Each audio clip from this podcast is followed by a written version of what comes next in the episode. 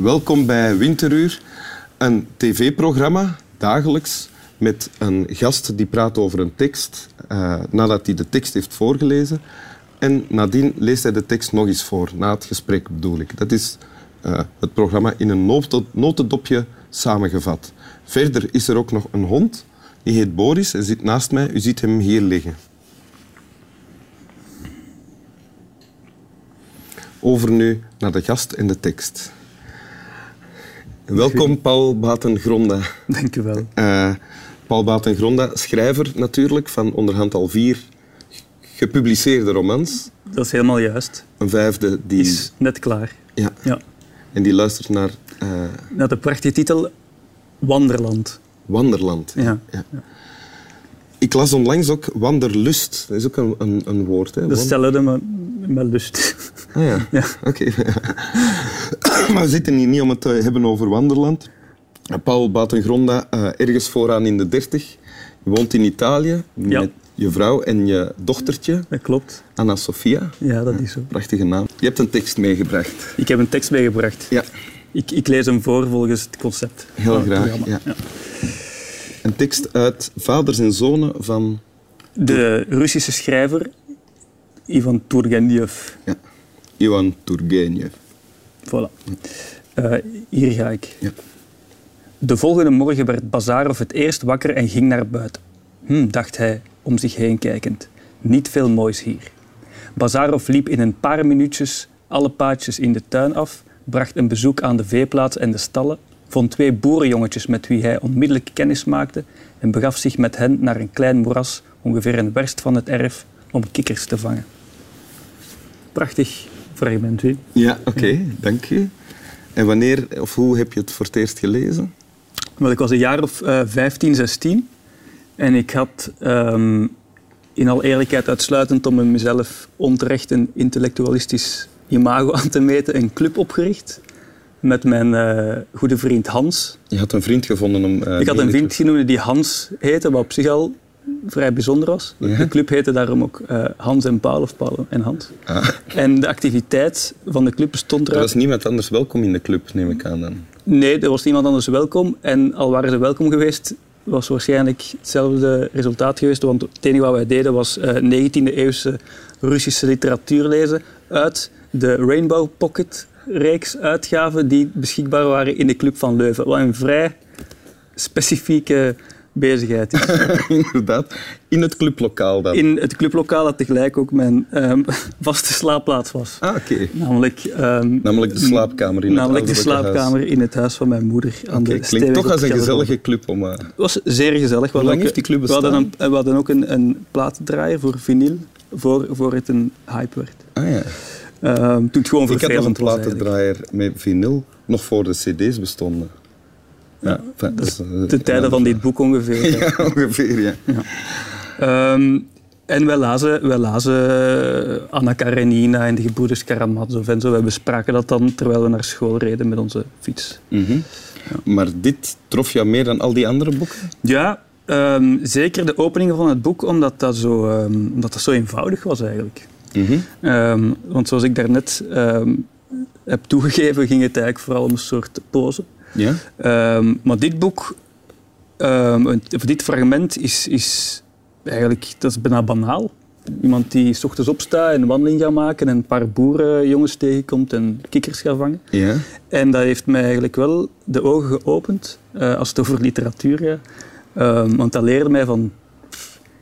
Er moet ook grote literatuur ook die grote Russische namen waar wij probeerden mee uit te pakken bij de meisjes in de klas en ver naar buiten. Werkte dat? Uh, ja, het waren rare meisjes. Okay, maar en dat werkte wel. Uh, zelfs die werken die wij, die wij kennen, want die besproken worden en omdat daar grote thematieken aan gekoppeld worden, en zeggen dat was een belangrijk boek, want, et cetera, et cetera. In basis is dat eigenlijk heel um, menselijk. Namelijk, het is vol emotionaliteiten en fouten en banaliteiten. En dat, was, dat leerde ik toen eigenlijk. Dat zelfs in die, in die, in die oude Russische literatuur, dat dat gewoon mocht gaan over iemand die... Over opstaan naar buiten, kijken, niet goed weten waar naartoe. En, En zeggen, zeggen, ik zal anders eens kikkers gaan vangen met een paar boerenkinkels die ik in een veld tegenkom. En dat was, ja, dat was voor mij eigenlijk ehm, een, uh, een, een, een belangrijk moment. In die uh, zin dat je dan dacht... Ja, ah, ik, ik, dacht... Ik, dacht ik, ik was wel heel geïnteresseerd uh, in, in, ja, zo in talen en in dat soort dingen. En door het feit dat we die club hadden, en dat was dan zo aan mijn referentiekader, was schrijver zijn, dat was dan en volgens de logica van die club ook zo wel een van de allerhoogste dat dingen. Dat vonden wij misschien nog wel cooler dan gitarist worden. Ja. En ik dacht, misschien, als dit het, als dit het is, dan kan ik dat misschien, kan ik dat misschien ook wel ah, ooit eens Het werd bereikbaar en menselijk ook, want het mag, het mag beginnen ja, gewoon bij echte menselijke, Bij gewoon een echt verhaal. En ik dacht, dit, dit, dit doen wij ook. Opstaan en, en, dingen gaan doen. En in zekere zin was dat uh, een soort geruststelling eigenlijk. Of een soort... Uh, ja, vermenselijking van, van literatuur en, en al die zware, onnozele dingen die daar vaak worden aangekoppeld. Heb je dan na het lezen van dit boek voor het eerst echt gedacht van ah, ik, ik kan schrijver worden? Ja, wat ik vooral had, um, was, was zo een soort gevoel van um, als, als dwalende, dolende onnozelaar van 15, 16 jaar. Dat zou wel de, de, de groep zijn binnen de samenleving waarin ik misschien pas. Want ik had tegen dan al wel gesnapt dat ik een beetje een rare was. Ja? Um, een beetje uit, uit, uit, uit uh, het centrum van de groep bleef. Meer op de, aan de zijkant stond om de dingen zo wat te bekijken. En, uh, en, daar was, voel, en ik dacht, ja, dat kan een probleem bij. zijn. Want mijn vrienden die vlotter waren of die zich minder vragen stelden of andere vragen...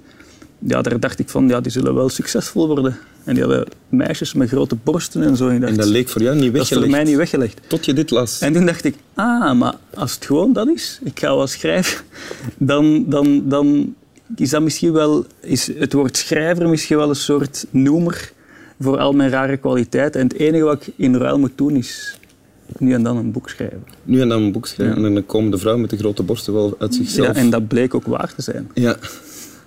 Ja. Fantastisch, hè? Fantastisch eigenlijk. Ja, dus ook misschien een tip voor 15-jarige jongens en meisjes die nu zitten te ja, kijken. Leg de telefoon weg. Maar ook, leg de telefoon weg, lees Turgenev ja. en hou het simpel, mag je dat zeggen? Ja, en dat is wel echt iets allee, dat ik ook later, uh, als ik meer ging lezen en zelf ging schrijven...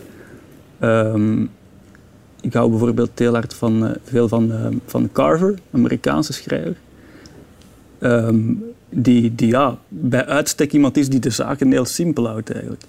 Um, en ik denk dat dat waarschijnlijk ook wel een van de eerste zaadjes was in mijn idee om, om zo eenvoudig mogelijke dingen zo schoon mogelijk te maken, in plaats van zo ingewikkeld mogelijke zaken te verkopen als iets wat dan ja. grote kunst Want simpelte en eenvoud wordt ook vaak uh, verward met gebrek aan rijkdom. Terwijl ja. in mijn beleving zijn uh, werken die gemaakt zijn, dingen die gemaakt zijn, uh, en daarmee bedoel ik uh, boeken, voorstellingen, schilderijen, uh, zijn tegelijkertijd simpel en rijk. Mm. Ja, ik hou heel erg van dingen die, die simpel gemaakt zijn en veel, veel ideeën oproepen in plaats van het omgekeerde. Ja. Ja. ja. Daar zijn we het over eens, denk okay. ik u. Daar zijn we het over eens, ja. Goed. Zal ik het nog eens voorlezen? Heel graag. Ja. Okay. Ik ben ook blij dat je zelf... Met al wat we nu weten, Wim, Gaat het anders in onze oren klinken als we het nu horen? Hier gaan we. Ja. De volgende morgen werd Bazarov het eerst wakker en ging naar buiten. Hm, dacht hij om zich heen kijkend, niet veel moois hier. Bazarov liep in een paar minuten alle paadjes in de tuin af, bracht een bezoek aan de veeplaats en de stallen, vond twee boerenjongetjes met wie hij onmiddellijk kennis maakte en begaf zich met hen naar een klein moeras, ongeveer een werst van het erf, om kikkers te vangen. Alsjeblieft. Dank u. En slaap wel.